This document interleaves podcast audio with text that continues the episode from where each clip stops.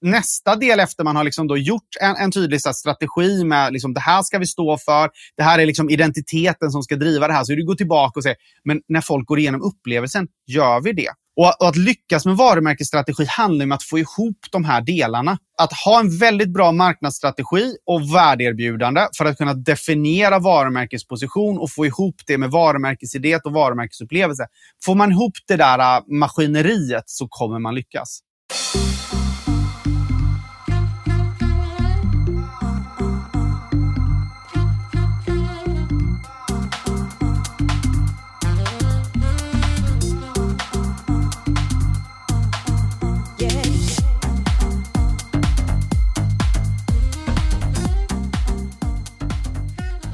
Välkommen tillbaka till Digital marknadsföring med Tony Hammarlund. Det här är en podd där jag intervjuar branschexperter och marknadsförare för att lära mig mer om digital marknadsföring. Mitt mål med podden är att bli en bättre marknadsförare och samtidigt dela med mig av intressanta samtal med några av Sveriges bästa marknadsförare. Den här veckan går vi back to basics och något som jag blivit allt mer intresserad av. Och det är varumärke och varumärkesbyggande.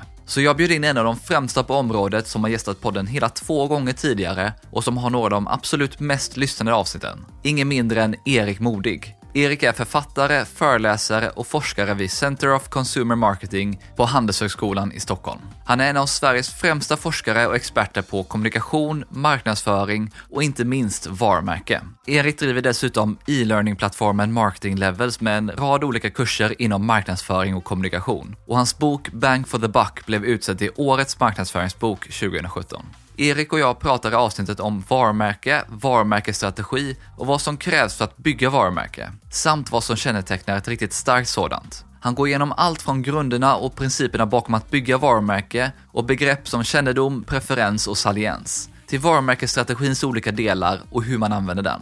Du får dessutom höra om när man behöver bygga varumärke, hur man vet hur mycket man behöver investera, mätning av varumärke, kännedom och preferens, varför varumärkesidentiteten ska vara distinkt, hur man kommer fram till sin varumärkesposition, när det är viktigt att differentiera sitt varumärke och vad varumärkesupplevelse är för något. Plus en massa mer intressant. Erik delar också mängder med bra tips, inte minst varför det är så viktigt att argumentera för varumärke baserat på sälj. Och han ger sin syn på ett vanligt missförstånd om kommunikation kring produkt. Så jag hoppas verkligen att du kommer gilla det här. Du hittar som vanligt länkar till allt vi nämner i poddenlägget på tonyhammarlund.io, så du behöver inte anteckna.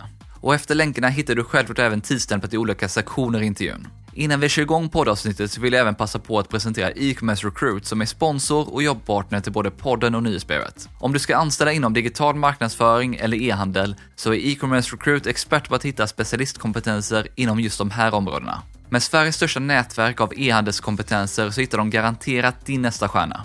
Gå bara in på e-commercerecruit.se och ta kontakt med dem om du vill ha hjälp med rekrytering eller headhunting. Jag vill även tipsa om deras podd E-commerce Success, en podd om framgångsrik e-handel och hur man lyckas i branschen. Ett avsnitt som jag gillade extra var det med Partykungen-grundaren Joel Svensson om hur han byggde ett av Nordens största e-handelsbolag.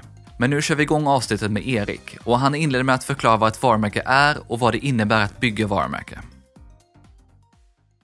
allt kan ju vara ett varumärke. Det går ju att göra ett varumärke av egentligen vad som helst. Vi har ju personliga varumärken, företag, organisationer, platser, idéer, koncept, patent. Allt går att göra till ett varumärke. Ofta så tycker jag att, att definitionen blir när någon har ett syfte bakom att skapa det och göra det till ett varumärke och att det sen går ut till exempel om du och jag gillar att sitta och, och, och liksom spela bridge och, och, och dricka pilsner en kväll så gör ju vi det, men, vilket vi alltid gör. Det vet ju alla lyssnare här att det är det enda Tony och jag gör. Uh, inte just nu dock, men sen om vi då skulle kalla det Erik och Tonys bridgekvällar då har vi ju på något sätt liksom definierat vad det är och då blir det ju på något sätt ett varumärke, även om många kanske inte då skulle se det som ett varumärke. Men sen om du och jag säger, men nu ska vi bjuda in folk till Eriks och Tonys bridgekvällar. Då har ju vi börjat skapa ett koncept som folk kan börja komma ihåg och tänka på och minnas och, och få associationer till. Och ni som lyssnar nu, ni får ju definitivt minnesbilder av Erik och Tonys bridgekvällar. Och helt plötsligt har vi då börjat liksom skapa ett koncept i folks huvuden och det är ju då varumärket. Sen så skulle väl kanske då Erik och Tonys bridgekvällar kanske inte vara ett jättestort eh, varumärke. Men säg till exempel att vi börjar göra det, vi börjar göra event och bridge blir liksom en fluga i Sverige och helt plötsligt så blir vi ledande för en folkrörelse. Och helt plötsligt så sitter vi på ett varumärke som en miljon människor känner till och helt plötsligt så börjar vi sälja t-shirts med Eriks och Tonys bridgekvällar på och vi tjänar massa pengar på det, då är det ju definitivt ett varumärke. Och allting handlar ju då om ett, att vi hade en intention till att göra det till något som skapar en plats i någons huvud. Och att vi sen då börjar få fler och fler att faktiskt då få den här platsen av Erik och Tonys bridgekvällar i huvudet. Det är en fantastiskt målande presentation av vad ett varumärke är. Så väldigt mycket, det blir om du verkligen vill göra det. Allting kan ju bli varumärken. Vad ser du då att marknadsförare ofta missförstår kring varumärke? Ett är ju att eh, det kommer ske oavsett. Alltså ett, ett, varumärke skapas så fort vi skapar ett koncept och folk börjar lära känna det konceptet. Och då börjar det här konceptet fyllas. Jag vet ju, det är jättemånga lyssnare här som har otroligt vet exakt vad man äter på Erik och Tonys bridgekvällar, hur vi är klädda på Erik och Tonys bridgekvällar. Det, det börjar man ju skapa och, och det det utvecklas ju då automatiskt utifrån folks erfarenheter och eh, utifrån folks tidigare kunskap kring både Bridge och kring Tony och kring Erik etc. Det som är viktigt då att förstå är att när tycker vi det börjar bli viktigt att styra den här bilden av vad folk då skapar för bilder. Folk kommer skapa en bild av det, få associationer, men sen kan vi då mer eller mindre aktivt säga vi vill aktivt jobba för att styra den här bilden och vi kan aktivt jobba för att fler ska få den bilden. Och det är ju liksom varumärkesstrategin. Man pratar mycket om att bygga varumärke, så vad innebär det i praktiken då och hur hänger det ihop med varumärkesstrategi? Ja, men det handlar ju om att fler ska lära känna den här, det här konceptet då. Så varumärket då, Erik och Tonys Bridgekvällar. Det här vi vill ju då att fler ska göra det och då bygger vi det genom att det är fler och fler som känner till. Och då blir det ett, ett större varumärke i och med att fler känner till det. Sen kan vi då fylla själva varumärket med associationer. Erik och Tonys Bridgekvällar, en premiumupplevelse för dig som vill ha det lilla extra i livet. Och helt plötsligt så säger folk, oj, går du på Erik och Tonys bridgekvällar? Wow, ja, ja, det kostar ganska mycket va? Ja, det är väldigt exklusivt. Man måste stå på lista och betala och donera blod för att få vara med. Nej, men du förstår, då bygger jag bygga ett starkt varumärke, någonting som blir eftertraktat. Så att, att bygga varumärke är att fler känner till och att sen att man skapar då en attraktiv bild av det här varumärket i huvudet. Och när man pratar bygga varumärke så är det ju vanligtvis två koncept eller två begrepp man pratar om. Man pratar om kännedom och så pratar man om preferens. Vad är det för något? Ja, men kännedom är ju det som jag var inne på, att fler känner till det. Och att man då, brukar man oftast dela in också kännedom i, i såklart hjälpt, erinran, det är om någon frågar dig. Känner du till det här? Ja. Sen finns det spontan erinran, som man till exempel skulle säga, vilka anordnar bridgekvällar? Uh, ja, jag vet. Jo, just det. Erik och Tony. Då har vi liksom spontan kännedom. Då hjälpte vi dem inte. Hjälpt skulle vara att vi frågar, känner du till Erik och Tonys bridgekvällar? Sen har vi något som heter saliens. Saliens är då en liksom tredje nivå, skulle man kunna säga, på, på kännedom. Och det handlar om då, hur ofta har vi spontan kännedom? Så till exempel, ja, vilka är det som anordnar bridgekvällar? Ja, men det är Erik och Tony. Uh, vad ska man göra på en fredagkväll? Ja, men det är Erik och Tony. Vad gör man på julafton? Ja, men det är Erik och Tony.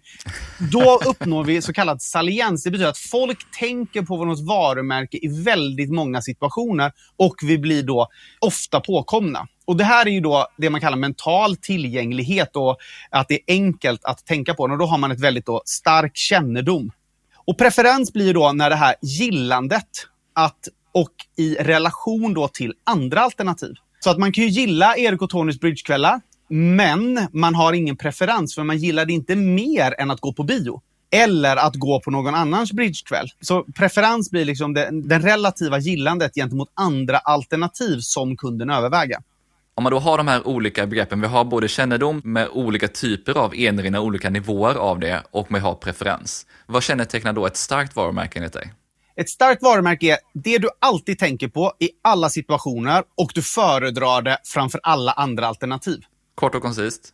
Ja, ja men det är till exempel när hela Sveriges befolkning absolut helst vill göra på julafton, det är att gå på Erik och Tonys bridgekväll. Då har vi nog det absolut starkaste varumärket man kan ha. För det finns ju såklart inte till, alltså det är ganska många som känner till ändå och då har man väldigt hög preferens. Och det här låter ju jättebra att ha ett jättestarkt varumärke. Men när är det rätt att faktiskt bygga varumärke? För det är väl inte alltid som man faktiskt behöver rätt? Man ska ju alltid stärka den här bilden av sitt varumärke. Sen är ju frågan då hur mycket pengar man ska lägga ner för att hjälpa till att bygga det här varumärket. För det kostar ju pengar att, att få fler att liksom, uppmärksamma vårt varumärke. Vi behöver göra podcast som nu och, och vi behöver eh, investera i marknadskommunikation och, och höra av oss till folk och så. Så det blir en kostnad. Och där är ju då frågan, när behöver vi lägga ner kostnaden för att öka vår kännedom? Och när börjar då den här bilden av vårt varumärke inte vara tillräckligt attraktiv för att vi ska kunna sälja vår produkt? Då behöver vi också investera. Så här handlar det väldigt mycket om hur går det? För till exempel om vi då säger, nej men du, vi har bara tio platser på Erik och Tonys bridgekväll. Okej, okay. och har ni en väntelista? Ja. Okej, okay. och, och ni vill inte utöka? Nej. Behöver vi investera i kännedom? Nej. Vi fyller våra bridgekvällar varje kväll. Vi har till och med en väntelista. Ja, då behöver vi inte det. Vad tycker folk om Erik och Tonys bridgekvällar? Nej, alltså, folk älskar dem. Behöver vi investera i varumärke då? Nej. Gilla läget. Har man liksom tillräckligt många kunder och tillräckligt många som föredrar den så är det självklart så att ja, då behöver du inte investera. Men om vi nu skulle säga att ah, du vet, det är ganska tråkigt, det är ingen som vill komma hit och, och nu har vi liksom ett inträdesbiljett på 100 kronor, men det är ingen som kommer. Ja, då måste ju vi investera i att fler få reda på det här och att vi också då måste ta reda på att liksom, vad är det de verkligen vill ha för att vara villiga att betala de här 100 kronorna. Och då förbättrar vi självklart upplevelsen och vi förbättrar även då eh, uppfattningen kring varumärket. Så det handlar väldigt mycket om så här, hur går det och vad har vi för ambition? Alla behöver inte bygga ett jättestort varumärke, men om du vill växa i form att nå fler kunder eller få fler att välja dig, då behöver du oftast investera i det. Men sen finns det väl också andra lägen då det är viktigt att jobba med sitt varumärke. Jag tänker beroende på vilken bransch man är i, vilken typ av konkurrens man har och om man ska ta ett högt pris för sin produkt och så vidare. Självklart, som jag var inne på. Ett är ju då att det finns en massa andra konkurrenter som gör andra saker. Så att för att vi ska då lyckas, nu kanske det inte är en jättekonkurrensutsatt marknad, bridgekvällarna här, men till exempel om jag ska sälja läsk eller, eh, eller vad, vad jag önskar ska sälja. Liksom läsk, tröjor, datorer, mobiltelefoner, försäkringar, byggbolag. Det är ju jättemånga andra som gör det där. Och därför så är det väldigt ofta att vi behöver alltid investera i varumärke för att nå ut till fler kunder och få fler att gilla oss. Så förutsättningarna är oftast att vi måste investera i det här. Och här har man då sett just på att företag då som vill växa, vilket de väldigt, väldigt, väldigt många såklart vill, så handlar det väldigt mycket om att man, man ska sätta av en hel del pengar just för att hela tiden göra att varumärket växer. Man får fler och fler att känna till en och man får fler och fler att verkligen, eh, eller att de som känner till en verkligen, verkligen tycker om en. Varumärket jobbar ju också internt i bolaget. Så det är också viktigt att tänka på att ett, det motiverar anställda, varumärket, och också, det kan attrahera potentiellt nya anställda. Det man kallar då employer branding. Och här kan man då också då få hjälp av att fler känner till oss, liksom potentiella anställda, och fler tycker om oss. Så är man inom en industri där det är svårt att få rätt kompetens, då får man också hela den aspekten när man investerar i varumärket. Och den kan vara minst lika viktiga. I vissa varumärken så säger de att det, vi har liksom inga problem att få kunder, men vi har problem att få rätt kompetens. Och då blir varumärket helt avgörande för att faktiskt nå, och, nå ut till rätt kompetens. Så kännedom och preferens mot kunder, men också existerande anställda och även potentiellt framtida anställningar. Skiljer det någonting i hur man bygger varumärke om målet är employer branding kontra det större varumärket och det ut mot kunder också? Ja, när det kommer till anställda då, och potentiellt anställda så är de, de är mer intresserade av varför. Alltså om jag köper en produkt och så är det hög kvalitet, då är inte jag så intresserad av, aha, okej, okay, men det är hög kvalitet och den kan tillgodose mina behov. Men om jag ska jobba på det här bolaget så vill jag säga, varför drivs vi av kvalitet?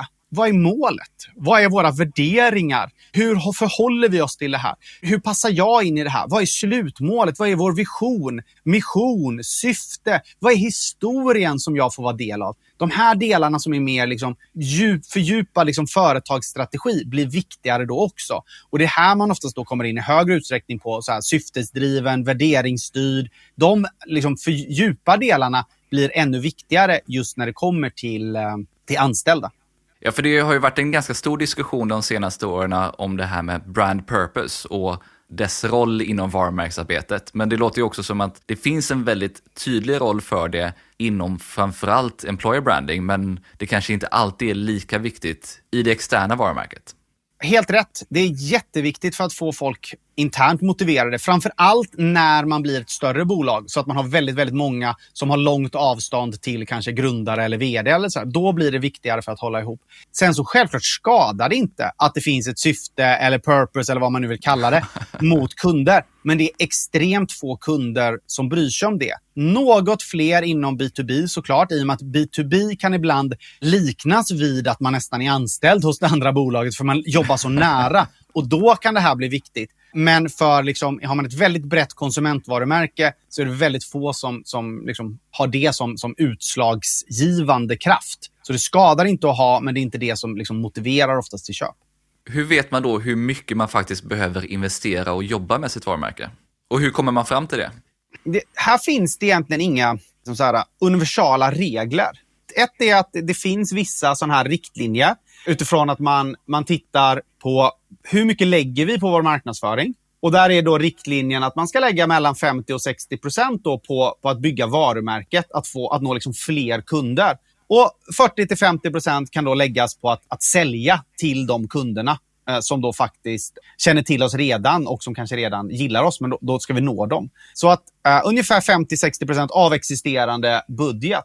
Sen finns det ju då självklart anledningar att anpassa det här. Till exempel om du är då inom viss industri där andra varumärken spenderar mer eller mindre. Till exempel om vi har en konkurrent som spenderar tio gånger mer än oss. Det är enklare för dem att nå fler kunder och, och styra sitt, sin preferens. Och på så sätt så kanske vi också måste öka. Eller om vi är en industri där nästan ingen lägger pengar på det här, ja, då kommer det vara billigare för oss. Och ett tredje sätt är också att titta på våra tillväxtmål. Att man räknar på det. Man skapar någon typ av, av liksom tillväxtplan. Okej, okay, idag har vi 1200 kunder. Vi vill växa till 1600 kunder. Det betyder att vi behöver få in 400 kunder till. Hur får vi in dem? Jo, vi har ett formulär på vår hemsida. Okej, okay, vad har vi för liksom konverteringsgrad på vår hemsida? Ja, då har vi 10% konverteringsgrad. Vi får vara lite snälla här. Det betyder att vi behöver ha liksom 4 000 personer in på vår hemsida. Okej, okay, hur många klickas in på vår hemsida? Ja, vi säger 10 procent i ett.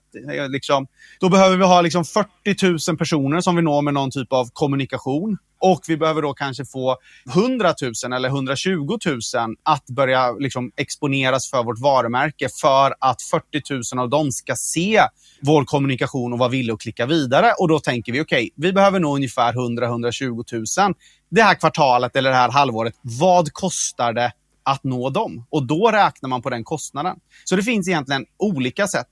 Och, och, det är lite upp till varumärken i sig att göra det här. Och det finns oftast inget rätt eller fel in, kring det här, utan det är olika sätt man, man kan använda för att komma fram till vad är en vettig investering.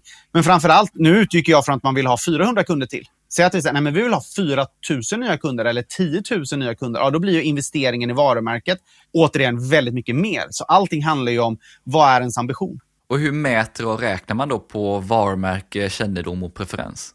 Man frågar oftast kunderna. Det är liksom det klassiska sättet i och med att kännedom och, och gillande och, och, preferens är ju någonting som, som sker i huvudet på folk. Och därför så skickar man ju ut enkäter och frågar. Vad liksom, känner du till det här varumärket? Vad tycker du om det här varumärket? Planerar du att köpa det här varumärket? Jämför med konkurrenter. Skulle du välja det här framför dem? Så det är ett sätt. Sen är det ju då idag väldigt många som inte vill mäta enkäter för att man tycker det är en kostnad, vilket det ibland är eh, såklart, om man inte vill göra det själv. Och Då gör man så kallade att man har olika proxies, där man då säger att det finns olika, oftast digitala beteenden som kan bli en, en uppskattning på den liksom verkliga kännedomen. Och Där tittar man då till exempel på mängd sökord. Om man befinner sig i en industri då som folk söker på produkten, så kan man då titta hur många är det som söker på oss och det kan då ge en uppfattning kring eh, hur känd man är.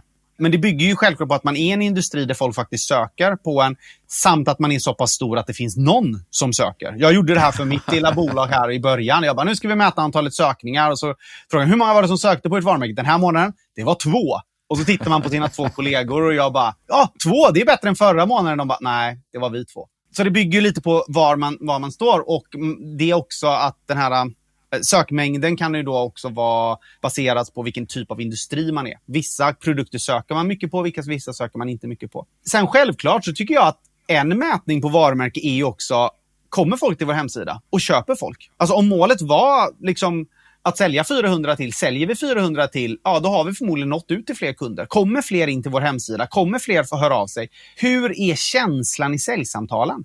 När folk går och, och, och, och ringer upp våra säljare så frågar säljarna, hur känns det? Gillar de oss? Pratar de om det vi pratar om själva?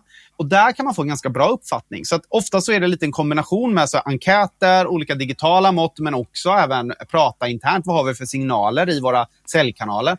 Anser du att man behöver mäta det här? Eh, ja, det tycker jag definitivt. Sen hur mycket pengar man lägger på det varierar ju självklart om uh, hur det går. Alltså går det bra så behöver du inte mäta oftast. Och det träffar oftast de bolagen som, som liksom lyckas. Så är det så här, ja, nej, vi vet ju att det här har funkat för att uh, all, alla som kommer in i vår, vår butik pratar om det här. Och vi har jättemånga som, som skriver om det här och tittar och besöker och så, så. Och då vet man ju att det funkar och då behöver du kanske inte gå in på en mätning. Risken är ju då när du gör någon typ av investering för att öka kännedom eller driva preferens och så händer ingenting. Det är, liksom, det är ingen som kommer till butiken och pratar om det här. Det är ingen som skriver om det och det är ingen som kommer och besöker hemsidan. Då måste man ju gå in och se, vad var det som inte funkade? Varför uppmärksammade folk inte det här? Varför uppfattade de inte vad vi höll på att säga? Varför ändrade inte här uppfattningen? Så att mätning blir viktigare ju sämre det går. Och sen väl också att just ha ett jämförelsemått, att ha någonting var utgångsläget när man började. Hur var det då? Exakt. Så att det viktiga är inte alltid att mäta det perfekt, för det är väldigt svårt och kan vara väldigt dyrt. Det viktiga är att vi säger, nu mäter vi det så här och så gör vi det konsekvent över tid på exakt det sättet. Och då får man en uppfattning hur det går. Hur vet man att det är kännedom eller preferens som man ska bygga? Kännedom är om folk inte känner till dig. Så där måste du kolla, gå ut och fråga. Känner du till mig? Nej, det gör jag inte. Aha, okay, ja. Och så är det, är liksom tillräckligt, inte tillräckligt många som känner till den. Och Det är oftast att du kan titta på hemsidan eller butiken. Kommer inte tillräckligt många till hemsidan eller butiken, då är det oftast ett kännedomsproblem. Om du har massa som kommer in på hemsidan eller butiken, men de köper inte, då är det förmodligen ett preferensproblem eller till och med en produktkvalitetsproblem. Så det beror lite på hur drivande varumärket är för själva köpet. Så det handlar väldigt mycket om, om ehm, ett, mängd som kommer och sen om de faktiskt köper. Då kommer vi till en stor fråga som jag vet att du har mycket åsikter om. Vad krävs enligt dig för att jobba riktigt framgångsrikt med sitt varumärke och vad krävs för att bygga ett riktigt starkt sådant? För det första så handlar det om att sätta en plan för hur vi bygger kännedom. Och där handlar det oftast om att göra en, en ordentlig marknadsstrategi. Alltså segmentera vilka ska nu få reda om vårt varumärke och, och börja se till att liksom, vilka är det vi ska prata till och så bygga upp det bit för bit för bit för bit, att fler och fler får känna till oss. Och här handlar det väldigt mycket om att då ett, när vi ska bygga kännedom så är det väldigt viktigt att vi gör kommunikation som står ut så att vi når fler människor. Så här behöver det verkligen, liksom, vi behöver använda kraften av något nyskapande, överraskande, kreativt för att verkligen nå ut. Vi har lyxen marknadsföringsmässigt att vi är ett okänt varumärke så vi kan plocka lågt hängande frukt genom att göra kommunikation som står ut. Och så är vi supertydliga med att det är vi och så bygger vi kännedom varumärken som har 95 till 99% kännedom, de har inte den lyxen. De måste då vara ännu smartare, för de kan liksom inte tjäna kunder på att bara öka kännedomen, utan de måste ju då driva preferensen eller då den här saliensen, att man tänker på dem i flera situationer. Och det rent kommunikativt är mycket svårare.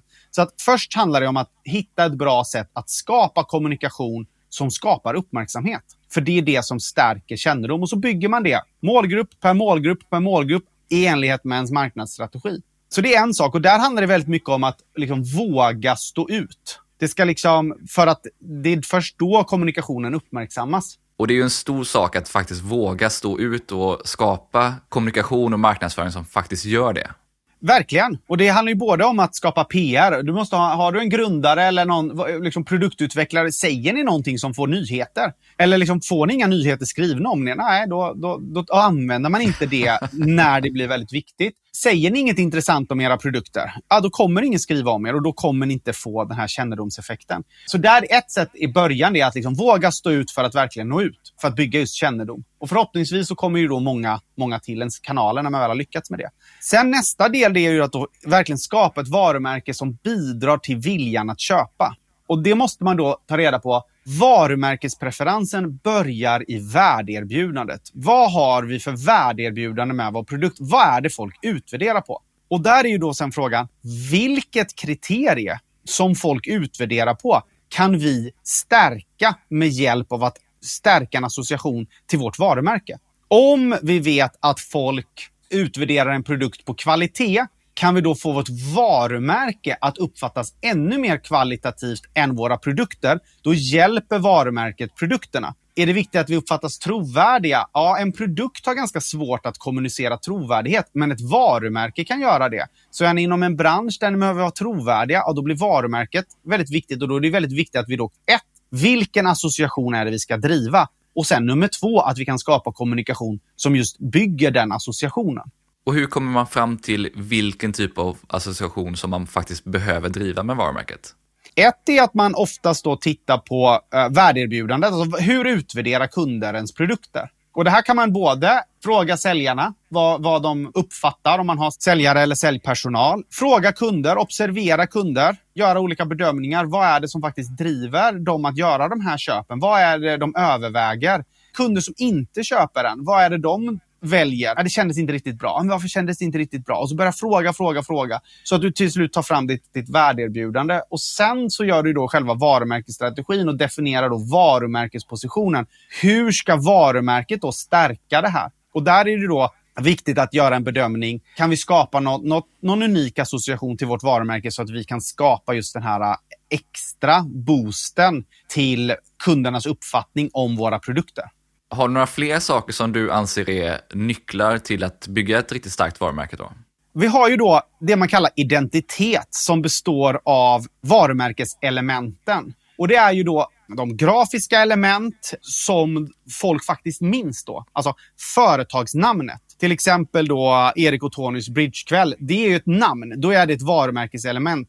Sen gör vi en logga. Det är ett annat varumärkeselement. Sen väljer vi en färg på den loggan. Det är ett annat varumärkeselement. Sen blir ju ditt och mitt ansikte varumärkeselement om vi vill det. Och, och sen skapar vi en jingel. Och sen så hyr vi in ICA-Stig för att promota det här. Då blir han vårt varumärkeselement. Och sen så jobbar vi med en annan influens. Du vet, man bygger en, en rad olika varumärkeselement som då ska nå ut och göra det så tydligt som möjligt när vi ska kommunicera. Och Det här måste man då tänka på att de där ska verkligen vara enkla att komma ihåg. Så ju mer avancerade varumärkeselement vi väljer, ju svårare de är att förstå och ju mindre de liksom är unika gentemot konkurrenterna, desto mer kommer vi behöva ha upprepningar. Och då kommer vi behöva nå fler, fler gånger för att de då ska komma ihåg oss. Så det blir också väldigt viktigt att skapa ett varumärke som har då en identitet eh, som gör det enkelt för folk att minnas. Och det här pratar man väldigt mycket om distinkthet. Alltså att skapa ett varumärke som är distinkt på det sättet att det verkligen står ut från bruset. Och det är väl också det som Byron Sharp lyfter som det absolut viktigaste kring ett varumärke? Exakt. Han säger ju då, det är distinktheten att det står ut som är viktigare för att folk köper det än preferensen. Preferensen handlar ju oftast om att de ska föredra oss gentemot en konkurrent och där har man pratat väldigt mycket om differentiering. Så länge vi är annorlunda än konkurrenterna så kommer vi vinna. Det är att driva preferensen. Det han säger är, kunder kommer inte dit. Kunder är lata idag, de tar snabba beslut, man väljer första bästa och då väljer man det det första man kommer att tänka på och då är det det som oftast är då mer distinkt i ens huvud och därför så blir då distinkthet väldigt viktigt när det kommer till att välja varumärkeselement. Finns det något mer som enligt din erfarenhet är väldigt viktigt för att det här varumärkesarbetet ska gå riktigt bra? Ja, vi, har, vi har en sista beståndsdel i det här och det är ju då varumärkesupplevelsen. Och det handlar om att man liksom går tillbaka till att det här varumärket inte bara blir liksom en marknadskommunikationsprodukt utan att man går tillbaka till hur är det att träffa på oss som företag? Så då går man tillbaka till det som, det var ju liksom upplevelsen, erfarenheten av oss som började bygga vårt varumärke. Det är oftast det kunderna först upplever, eller automatiskt såklart självklart upplever. Då måste man gå tillbaka och tänka så här, okej okay, men nu valde vi då att vi skulle uppfattas eh, eh, mer professionella då måste vi gå tillbaka och se till att vi också görs det. Så att vi inte liksom står där i hawaiiskjorta sen i butik. Eller att vår hemsida bara har Arial Bold och Cast Design. Ja, då kommer inte vi uppfattas det. Så att nästa del efter man har liksom då gjort en, en tydlig så strategi med liksom, det här ska vi stå för, det här är liksom identiteten som ska driva det här. Så du går tillbaka och säger, men när folk går igenom upplevelsen, gör vi det? Och, och att lyckas med varumärkesstrategi handlar om att få ihop de här delarna. Att, att, ha en väldigt bra marknadsstrategi och värdeerbjudande för att kunna definiera varumärkesposition och få ihop det med varumärkesidé och varumärkesupplevelse. Får man ihop det där äh, maskineriet så kommer man lyckas.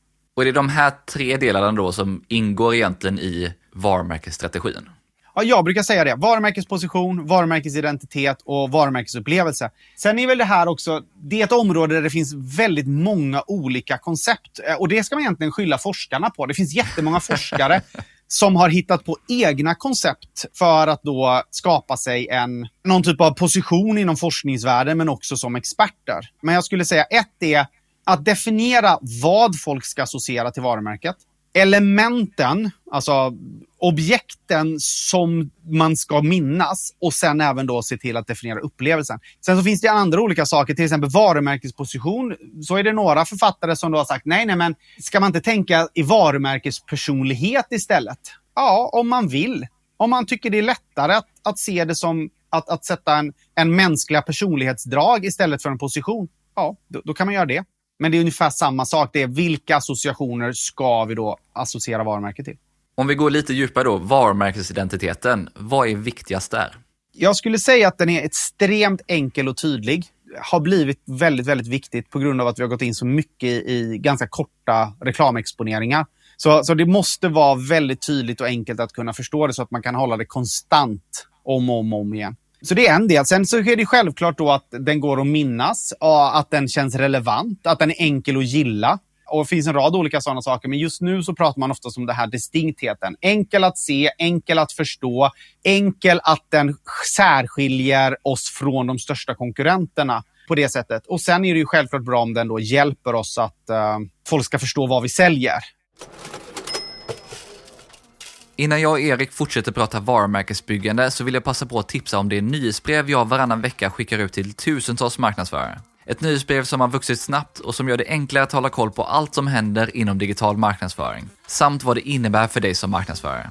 Istället för att hålla koll på en mängd olika sajter, nyhetsbrev och källor så får du det viktigaste kurerat och analyserat av en panel som består av några av Sveriges ledande experter inom sina respektive områden. Expertpanelen består idag av Ulrika Wiberg inom SEO, Carl Lindberg inom Paid Search, Sara Öhman inom Social, Fedja Porobic inom Paid Social, David Larsson inom LinkedIn och Anton Gyselius inom Analytics. Och fler är på gång. Helt enkelt allt du behöver för att hålla dig uppdaterad. Och du får även tillgång till en community där du kan diskutera nyheterna och ställa frågor. Du skriver enkelt upp dig på min webbsida och länk hittar du i poddenlägget. Prenumererar du redan så är du varit grymt tacksam om du delar och tipsar om nyhetsbrevet till kollegor, vänner eller andra i branschen. Ett annat tips för dig som gillar att lyssna in på poddar precis som den här är att kolla in Sökpodden med Mikael Wahlgren och gänget på Pineberry. Sökpodden är en av de få poddar som jag lyssnar på regelbundet. I podden diskuterar de framförallt SEO, SEM och paid social. Så gillar du att lyssna på diskussioner om allt från framtiden för SEO till länkar och strategier för Google Ads så tycker jag att du ska kolla in podden. Om du inte redan lyssnar förstås. Annars är det bara att söka efter Sökpodden i valfri poddspelare. Nu hoppar vi tillbaka till min intervju med Erik. Du var inne på det lite tidigare där, men hur definierar man sin varumärkesposition på ett bra sätt? Ja, det första man måste inse är att positionen är det man aktivt vill sträva efter att vara. Den ska inte säga allt man är. För det är väldigt många som går in med det här och säger, vår varumärkesposition, ja då ska vi vara kundcentrerade, vi ska vara professionella, vi ska vara kvalitativa, vi ska vara moderna, vi ska vara hållbara. Och så blir det liksom de minsta gemensamma närmarna vad som är viktigt i vår industri. Då driver man ju ingenting. Då definierar den bara ett riktigt trökigt varumärke som inte särskiljer sig från konkurrenterna. Och det är en risk. Så att man måste först sätta en väldigt tydlig, tydlig utgångsläge. Att, att liksom, varumärkespositionen som vi aktivt driver, är, det betyder inte att vi inte får kommunicera om någonting annat. Men det är det här vi då aktivt ska försöka påverka. Så till exempel säga så här, ah, men vi är kundcentrerade. Men, men betyder det att att ni inte ska vara kundcentrerade om ni inte har i varumärkespositioner. Det finns, nog, det finns jättemycket saker ni ska vara utan att det behöver stå i varumärkespositionen. Kundcentrerade ska alla bolag vara. Vi ska vara professionella, ja det ska ni också vara. Vi ska jobba för hög kvalitet, det ska ni. Vi ska vara hållbara, ja det ska ni också vara. Men nu ska vi välja ut vad som blir viktigast för att verkligen hjälpa oss att sälja produkter. Så det tycker jag är viktigt. Och här brukar man också välja med tre ord, tre associationer som man då säger, de här blir viktiga. Vi ska då bli viktiga i form av att vi ska vara hållbara. Men hur vet man vad som är viktigt? Ett är att titta på vad som är viktigt för kunderna. Ett är vilken association skulle vi kunna ta som inte konkurrenterna har och som där vi faktiskt kan leverera. Till exempel tillbaka till hållbarhet. Ett är, vi väljer varumärkesposition hållbarhet. Då kommer tre följdfrågor. Ett är, betyder det att om vi inte hade det i varumärkesstrategin så skulle vi strunta i hållbarhet? Nej, det betyder inte. Vi, vi kommer jobba med hållbarhet ändå. Okej, bra. Då, då, skulle vi kunna skippa det från vår, vår varumärkesstrategi. Kan vi vara mycket bättre än konkurrenterna på det här? Nej, det kan vi inte. Okej, då ska den bort från varumärkesstrategin. Då kommer ni liksom bygga en varumärkesstrategi som ni ska kämpa efter, som ni inte kan lyckas med. Då är det inte det ni vill vara. För då kommer ni ut och säga, vi har en varumärkesstrategi där vi ska prata hållbarhet. Låt oss prata massa hållbarhet. Och så vet ni att det finns en konkurrent som är bättre än er. Då bygger ni att kunderna ska börja bry sig om hållbarhet, men så är det någon annan som är bättre än er. Så liksom är det någon som är mycket bättre än er, ta bort det från, från er varumärkesposition. Det betyder inte att ni inte ska jobba med det, men ni ska inte aktivt göra det till de viktigaste beståndsdelarna av ert varumärke. Och sen självklart ta reda på, är det här någonting som vi verkligen kan skapa kommunikation kring så att kunderna verkligen liksom, ett, tänker på oss som de här och där det också får en väldigt tydlig påverkan på deras val av produkter. Kan vi göra det, kan vi leverera på det här och kan vi få ut det i kommunikationen, då är det en bra position. Det är inte enkelt, varumärkesposition. Och här skulle jag säga, när folk frågar mig, var någonstans kan, behöver vi superexperter när det kommer till definiera olika saker i vår marknadsföring? Då säger jag, ja, diskussioner kring varumärkesposition och, och varumärkesassociationer, där måste ni ha folk som kan det och har stor erfarenhet av det. För det är väldigt enkelt att man inte tänker liksom hela vägen. Så det där, det där, är ett svårt område. Men till exempel eh, definiera en logga eh, och skapa nyskapande kommunikation. Det kan ganska många och, och det är inte, man går inte under, man kan ändra det. Självklart så finns det skillnader på bra och dåliga designers, men det är inte så att vi skapar en strategi som kan liksom köra oss i botten. Men just när det kommer till de här associationerna så kan jag se att det, är många som har valt associationer ibland som man tänkt så här, oj, det här kommer bli väldigt jobbigt. Ja, för det lägger ju grunden för dels design, men också all kommunikation som man jobbar med. Ja, i alla fall 50 procent. 50 procent ska bara liksom driva sälj, medan 50 procent då ska, ska verkligen gå tillbaka till de här liksom varumärkespositionen. Vad är det vi ska bygga minnen kring? Bör man vara realistisk när man sätter de här kopplingarna som man vill göra eller ska man vara aspirerande vad man vill bli, var varumärket ska någonstans? Man ska vara aspirerande vad man vill vara, men inom en realistisk gräns. Kan vi uppfattas så här? Så man inte hittar associationer som är så här, men ni kommer aldrig lyckas med att uppfattas som det, för vi kommer inte klara av det. Och, och det blir väldigt jobbigt. Och här måste man också göra en bedömning. När man då sätter de här associationerna så måste man också göra en bedömning. Hur enkelt kommer det vara för vår marknadsföring och hur bra är vi på marknadsföring? Till exempel, jag vill ha ett varumärke som uppfattas som, som glatt. Det är en väldigt enkel association för en marknadsavdelning att skapa. Det är bara att sätta människor med glada ansikten på vår hemsida och använda lite gladare färger så kan nästan vilken marknadsavdelning som helst bygga associationen vi ska uppfattas som ett glatt varumärke. Men nu är det då vissa som ska vara, vi ska uppfattas som thought leaders inom vår bransch. Aha, så ni väljer en association att när man tänker på er så ska man tänka på att ni är den mest insatta och smartaste i er bransch. Vilka har vi på ett? Har vi några produktutvecklare? Och framförallt, har vi en marknadsavdelning som kan pull this off? För ibland har jag sett en liksom marknadschef och en vd och en ledningsgrupp som har sagt vi ska vara thought leaders och säga okej, okay, vad är budgeten för nyanställda? Ja, vad menar du? Ja, för det finns ingen på eh, marknadsavdelning idag som kan skapa det här. Och, och, då är de så här, nej det kan vi inte, det, vi kan inte tillsätta pengar utan det ska existerande marknadsavdelning göra. Och då är frågan, har ni liksom journalister, eh, liksom nästintill liksom extrema experter internt inom ert bolag för att kunna göra det här. Annars så kommer det, det valet inte att gå igenom. Så, så det handlar om att, att sätta det man vill vara utifrån vad kunden verkligen skulle uppskatta eller vad som skulle påverka kunden. Men också, kan vi verkligen leverera det här? Det är ju en jätteviktig faktor också att faktiskt veta att man kan leverera, för det kan ju lätt bli en jättefin presentation och produkt. Ja. Men att man inte kan efterleva det sen. Vi var inne lite på vad Byron Sharp säger där om det här med distinkt och preferens och differentiering. Men hur viktigt skulle du säga att det är att differentiera sitt varumärke och varför? Här handlar det väldigt mycket om vilken position man vill ta på en marknad. Och, och här handlar det då om, vill vi bli den största spelaren på en marknad? Alltså vi vill vara marknadsledande. Ja, då blir differentiering mindre viktigt. Utan då är det bara viktigt att visa på att vi är det största, kändaste, mest status och distinkta varumärke. Så då kan man ha en, liksom, en mer en liksom mainstream-position och då behöver man inte differentiera sig. Det kräver ju dock såklart resurser för att bibehålla den ledande marknadsledande positionen. Om man då säger att vi vill bygga en väldigt lönsam nisch. Det betyder att vi ska inte ta marknadsledare position utan vi ska ta ett nisch. Då kan det oftast vara bra att, att differentiera sig för att ta den positionen. Och här är då frågan att skilja på att ta en marknadsposition versus varumärkesposition. En marknadsposition kan vara vi erbjuder en viss typ av produkter mot ett visst typ av segment.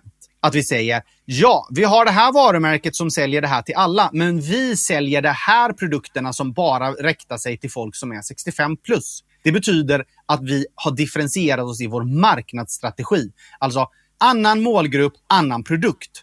Att differentiera sin varumärkesposition handlar då om att säga vi är ett annat typ av bolag. Vi vänder oss till samma kunder, men vi är ett annat alternativ. Till exempel, vi vänder oss till samma kunder som marknadsledaren, men vi är coolare. Vi är mer exklusiva. Vi är det billiga budgetvarumärket. Vi är det alternativa varumärket. Och då gör man en varumärkesdifferentiering. Och ibland så gör man ju självklart en varumärkesdifferentiering som är i linje med sin marknadsdifferentiering. Men ibland så kan man göra en marknadsdifferentiering. Vi säljer andra produkter till andra segment, men vi har ett väldigt likt varumärke som marknadsledaren för att vi vill ta en marknadsledande positionen mot de här segmenten här handlar det ju då om, om hur mycket behöver vi då differentiera oss när det kommer till varumärket. Och det Baron Sharp säger då att för att bli marknadsledande så är det väldigt viktigt att inte uppfattas som udda på något sätt, utan du ska uppfattas som det självklara valet. Ska du ta en nischprodukt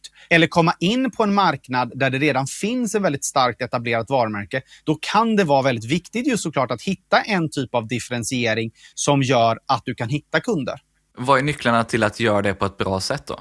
Återigen förstå kunderna. Vad är det liksom de saknar om vi då vill differentiera oss antingen marknadsmässigt, men om det kommer då till, till varumärkesmässigt så är det ju viktigt att förstå vad är det för liksom känsla eller vad är det för uppfattning som de känner att de inte kan få av de etablerade varumärkena och i så fall hur kan vi ta den, den positionen? Och här kommer man in till nästa viktiga val. Ska vi ta en position som marknadsledaren skulle vilja ha. Vi ser marknadsledare och så säger de, de skulle vilja uppfattas mer coola, men det kan de inte. Låt oss ta den positionen.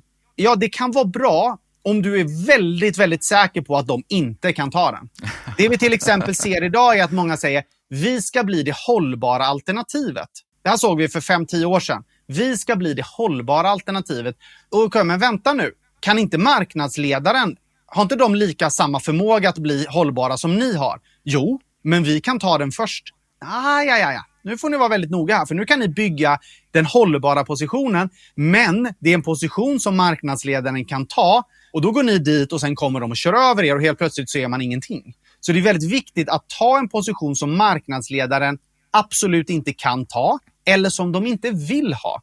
Många marknadsledare förstår att de inte kan äga hela marknaden och då kanske man kan ta en position som de säger, äh, vi vill ändå inte vara det där. Och då kan vi få en position som vi kan behålla väldigt länge, för de kommer aldrig vilja ta den.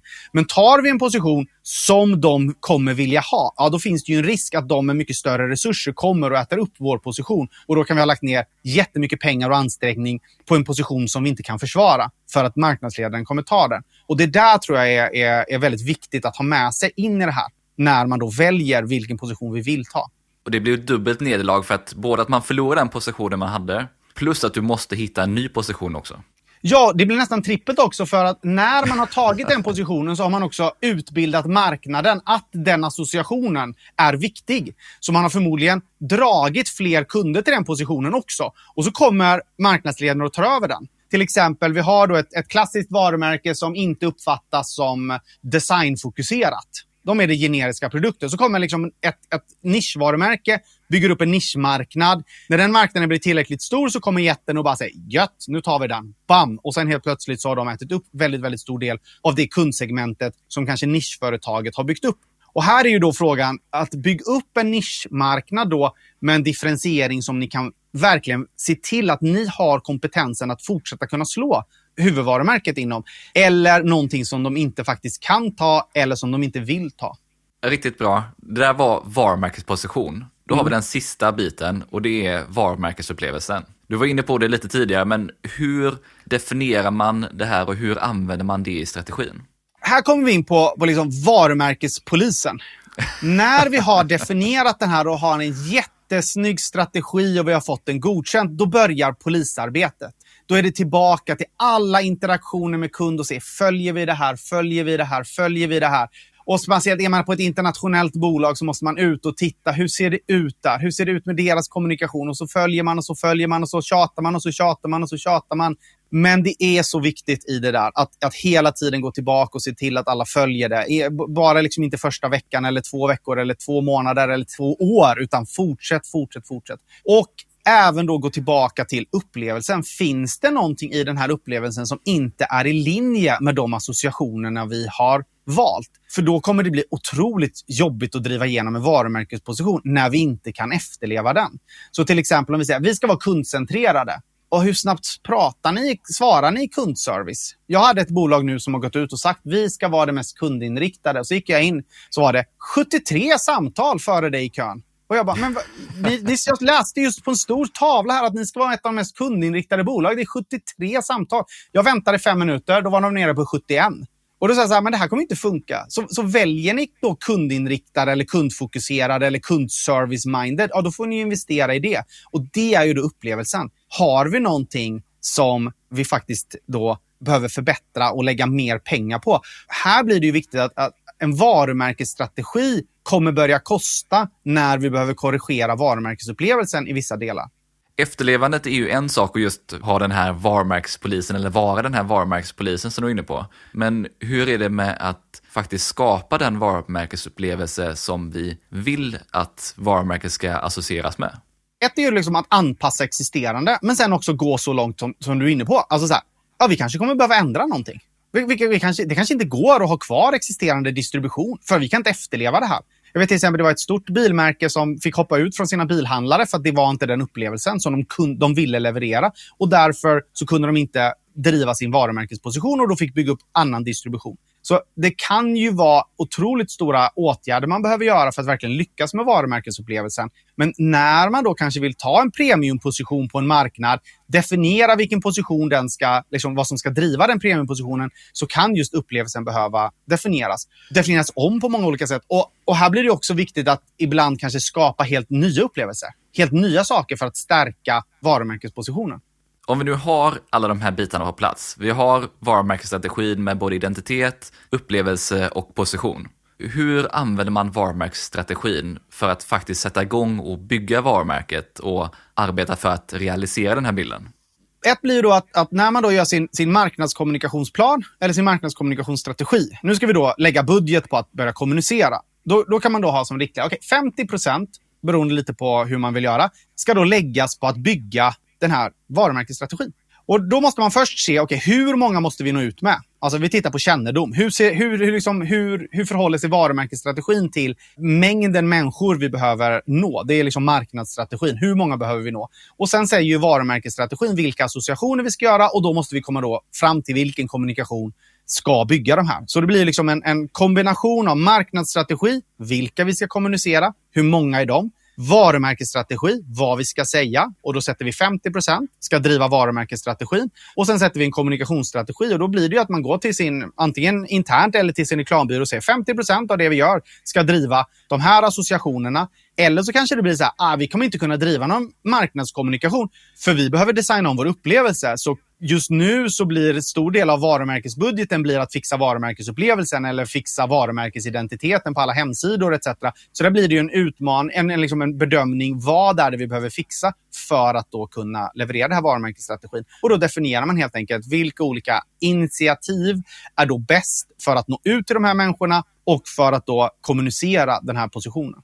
Anser du att man bör bygga varumärket i steg mot utvalda segment eller målgrupper och bredda över tid? Eller ska man försöka bygga mot det man vill redan från början? Det beror på två, två faktorer.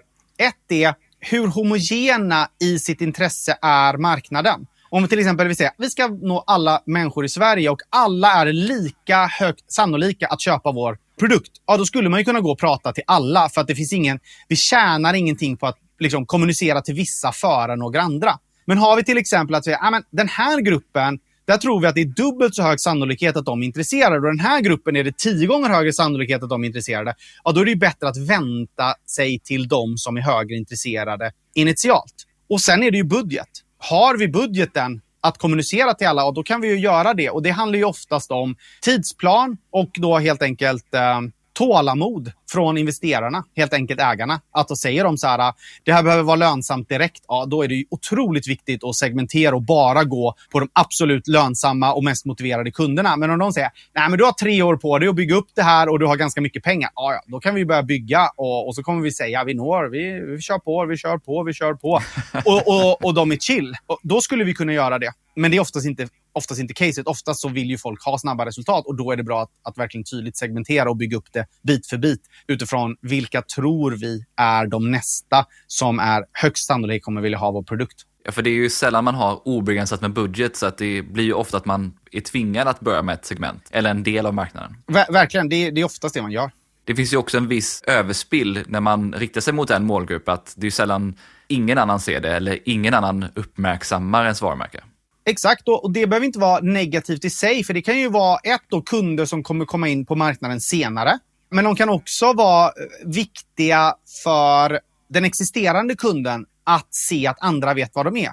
Så till exempel om jag då ska anlita ett byggbolag och så kommer jag till min ledningsgrupp. Jag ska anlita det här byggbolaget. Äh, vi känner inte till dem alls då är det väldigt låg sannolikhet att de andra på mitt företag kommer acceptera det byggbolaget. Och, och framförallt om de är en stor koncern som, jag vill, som vill anlita mig, så kommer de inte då acceptera mig som aktör. Så då finns det, då finns det ett stort värde att jag har liksom spill och träffar alla andra inom det bolaget, inte bara den som kanske är den direkta kunden eller liksom beslutsfattaren i det här, utan man måste då kommunicera brett.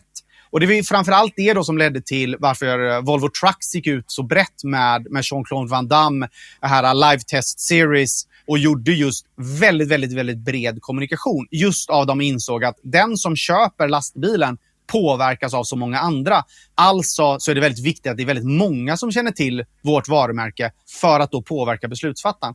Så alltså spillet, att man når utanför just den som faktiskt fattar beslut, det är faktiskt eh, oftast ganska gynnsamt i hög utsträckning. Sen ska man självklart inte ha för stort spill, men ofta så kan det vara bra.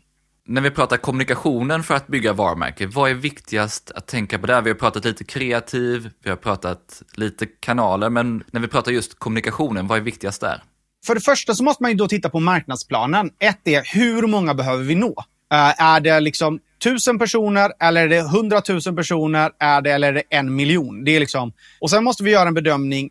Vad krävs för att de då ska få kännedom om oss och vara villiga att då gå in till någon typ av vår säljkanal? Är det liksom är det 10 sekunder som krävs? Är det 5 sekunder som krävs 10 gånger? Eller är det 10 minuter? Eller är det en timme? Alltså hur mycket information och hur mycket påverkan krävs för att de rimligtvis faktiskt ska vilja gå in och utvärdera vår produkt? När man då har koll på det, då kan man gå in och börja utvärdera liksom, vilka kanaler man ska använda. Om vi säger att ah, det är tusen pers, de skulle behöva läsa en text på en och en halv minut. Tusen pers, okej, okay, ja, men då tar vi mail. Mail, en och en halv minuts läsning. Kan vi skapa mail som vi verkligen gör intressanta, då kan det vara relevant. Men så kommer vi fram till att de kommer aldrig läsa ett mail. Okej, okay, ja, kan vi göra någonting annat då? Ja, kanske vi behöver göra någon nyhet? Kan vi jobba med PR? Eller säga, nej men alltså egentligen så behöver de inte läsa en och en halv minut. Det här kan vi köra på 20 sekunder. Okej, okay, ja, kan vi då göra någon annan typ av bredare marknadskommunikation? Så här får man göra ett val då baserat på liksom, vad, hur många behöver vi nå? Och sen är det också då en, en matchning mellan budget versus hur många. till exempel, vad, vad, vad får vi lägga per önskad kund? Liksom, Okej, okay, vi, vi ska nå 100 000 kunder, vi har en miljon. Okej, okay, då har du 10 kronor per kontakt. Ja, då är det ganska tajt att få ihop att nå 100 000 på, på den budgeten. Då får ni ha en väldigt effektiv, billig kanal. Men om de säger så här, nej, nej, men vi ska nå 100 pers, men vi har en miljon i budget Ah, okej, okay, ja, men då börjar vi prata att vi kan hitta på lite grejer och då har vi en helt annan typ av kanaler. Så det måste finnas en, liksom, en bedömning utifrån marknadsstrategin. Vad är det vi, liksom, hur stor kaka ska vi ta med den här budgeten? Sen självklart kan vi alltid försöka skjuta över på olika sätt och nå ännu fler, men vi måste ändå liksom göra en rimlig bedömning. Vilken kommunikation krävs för att påverka dem och hur många är det vi ska nå? Och där sätter man sig och sen börjar titta då på, på vilka kanaler är det då de här kunderna faktiskt använder. Hur använder de här olika kanalerna? Och i så fall sen i nästa steg, hur kan vi stärka vår varumärkesposition utifrån hur de använder de här kanalerna och vad det är som driver deras intresse i de här kanalerna. Det här är jätteintressant just hur man faktiskt väljer här vilken typ av kommunikation, vilken typ av kanal som man faktiskt ska använda för att bygga varumärke. För när man pratar varumärke så är det ofta att man pratar varumärkeskampanjer eller att man pratar väldigt mycket om PR. Men det finns ju väldigt många olika sätt och olika typer av kanaler att bygga varumärke i. Ja, du kan bygga varumärket egentligen på alla kanaler du kan driva sälj i så här, du kan ju bygga varumärke i butik. Du kan göra det via e-mails. Du kan göra det på en rad olika sätt. Det handlar ju mer om, om vad målet är. Och, och, målet då är inte att sälja en produkt här och nu, utan att bygga ett framtida intresse. Så det handlar ju om att du ska nå nya kunder blir viktigt. För det är ju det varumärket ska göra. Fylla på med nya kunder. Eller då om det snarare är preferensfokus, liksom ändra uppfattning. Och Det kan du också i många liknande kanaler. Så jag tror det är bara viktigt att göra den här bedömningen. Vad, vad, vad tror vi kommer krävas för att få dem att ta nästa steg i köpresan. Och hur mycket behöver vi investera för att nå så här många som vi faktiskt då vill, eh, vill nå? Och det är där jag ofta ser problemet, är att man, man underskattar hur mycket som krävs för att påverka dem eller mängden vi behöver nå för att på något rimligt vis uppnå de tillväxtmålen vi har satt. Det här är ju kommunikationen som man använder, men hur viktigt är kreativet och kreativiteten i kommunikationen? Det beror på lite vilken utmaning man har. Uh, som jag sa, behöver vi nå ut för att bygga räckvidd, då blir det otroligt viktigt att det här är någonting som kan skapa just nyhet, eller liksom intresse. Vi måste vara nyskapande, kreativa för att nå ut helt enkelt. Så, så där blir ju då, det kreativa blir viktigt. Kan det här verkligen nå ut och intressera nya människor? Eller är det vi ska stärka varumärket till kunder som redan är intresserade? Ja, då blir det en annan typ av kreativitet. Då handlar det snarare om att fördjupa det där intresset. Så jag tror det är väldigt viktigt att förstå liksom, vad är det vi ska göra? Intressera nya, få existerande att uppfatta oss på något visst sätt och i så fall hur gör vi det? Men självklart, man brukar säga att det kreativet står för en tredjedel av effekten. Har du några exempel på företag som har gjort den här resan riktigt bra, som både har tagit fram en bra varumärkesstrategi och realiserar det på ett bra sätt? Jag tycker vi har sett jättemånga bra exempel senaste 5-10 åren. Jag tycker vi har blivit extremt duktiga på, på varumärkesstrategi i Sverige. Man ser varumärken som ett, verkligen förstår äh, vilk, vad, vad de ska bygga och konsekvent bygger det. Sen finns det ju självklart några bolag som vi snackar extra mycket om för att de har då sagt vi ska växa i kännedom. Och det är oftast då de som säger nu måste vi trycka på i att göra någonting unikt så att vi växer i kännedom. Till exempel Klarna och Oatly. Väldigt tydliga exempel på att gör väldigt järva saker för att bygga snabb kännedom uppåt. Sen finns det ju en rad andra varumärken som jag tycker gör det väldigt bra i form av att de har en liksom väldigt tydlig position, väldigt tydlig strategi. Vattenfall har gjort det väldigt bra med, med liksom hållbarhet på olika sätt. Max hamburgare är väldigt konsekventa, stadigt, stadigt, stadigt på ett konsekvent sätt bygger uppåt. Det finns, en rad, det finns hur många som helst skulle jag säga. Jag är så otroligt imponerad av hur bra varumärken har blivit på varumärkesbyggande. Om vi, om vi tittar på liksom kommunikationsbranschen som helhet. Det är jättemånga som har satt varumärke. Och det här var ju flera konsumentvarumärken. Men vad är de stora skillnaderna mellan att bygga varumärke som konsumentföretag kontra business-to-business-företag? Grundtänket är exakt samma. Det som du oftast har då inom B2B är att det är oftast färre kunder som du ska påverka. Så att det är oftast inte samma massmarknadsföring att bygga kännedom i, i riktigt höga, lika, lika hög utsträckning. Utan många bolag har liksom, ja men vi har tusen kunder och de känner till oss. Så där blir det oftast mer då att verkligen förstå vad, hur driver vi preferensen? Så där blir det oftast då mer av en liksom positions och preferensfråga att lyckas med det. Så det är en sak. Och här blir också upplevelsen väldigt mycket viktigare. För att oftast då så är det kanske långa relationer, djupa relationer här. Och då får man liksom inte slarva i upplevelsen. Det kommer vara jättesvårt att driva igenom en varumärkesstrategi när säljarna och kontaktpersonerna och leverantörerna och liksom servicepersonalen inte efterlever dem. Så att här blir det ännu viktigare att man går hela vägen in i varumärkesupplevelsen och kan efterleva det. Så samma grundtänk, men den här positionen och upplevelsen blir otroligt mycket viktigare. När vi pratade om marknadsplan så pratade vi också om det här med fördelningen mellan varumärke kontra mer säljdrivande kommunikation. Så hur gör man för att verkligen försvara den här budgeten som varumärket faktiskt behöver? För det första så handlar det om att förklara att, att vi har för få kunder som är intresserade av oss. Alltså, det, det, är för få som kommer in på hemsidan. Det är för få som kommer till vår butik. Och, och säga helt enkelt så här, ah, men våra säljare har en, de, de säljer till 50% av de inkomna förfrågningarna. Problemet är att vi inte får in tillräckligt med förfrågningar. Alltså måste vi få in fler bli intresserade. Men självklart om ledningen säger då, jo men allvarligt talat, vi har så mycket förfrågningar som kommer in så våra säljare hinner inte ens med. Ja, då har du inget argument. För då är det sälj.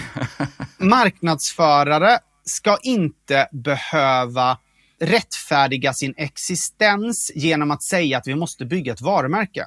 I Sverige har vi marknadsförare i väldigt hög utsträckning som fokuserar väldigt mycket på marknadskommunikation. Så vi, vi är kända för att vi har marknadskommunikationsmarknadschefer. Och då blir oftast varumärket och att man hela tiden ska investera i varumärket, det blir på något sätt ett existensberättigande för min roll i företaget.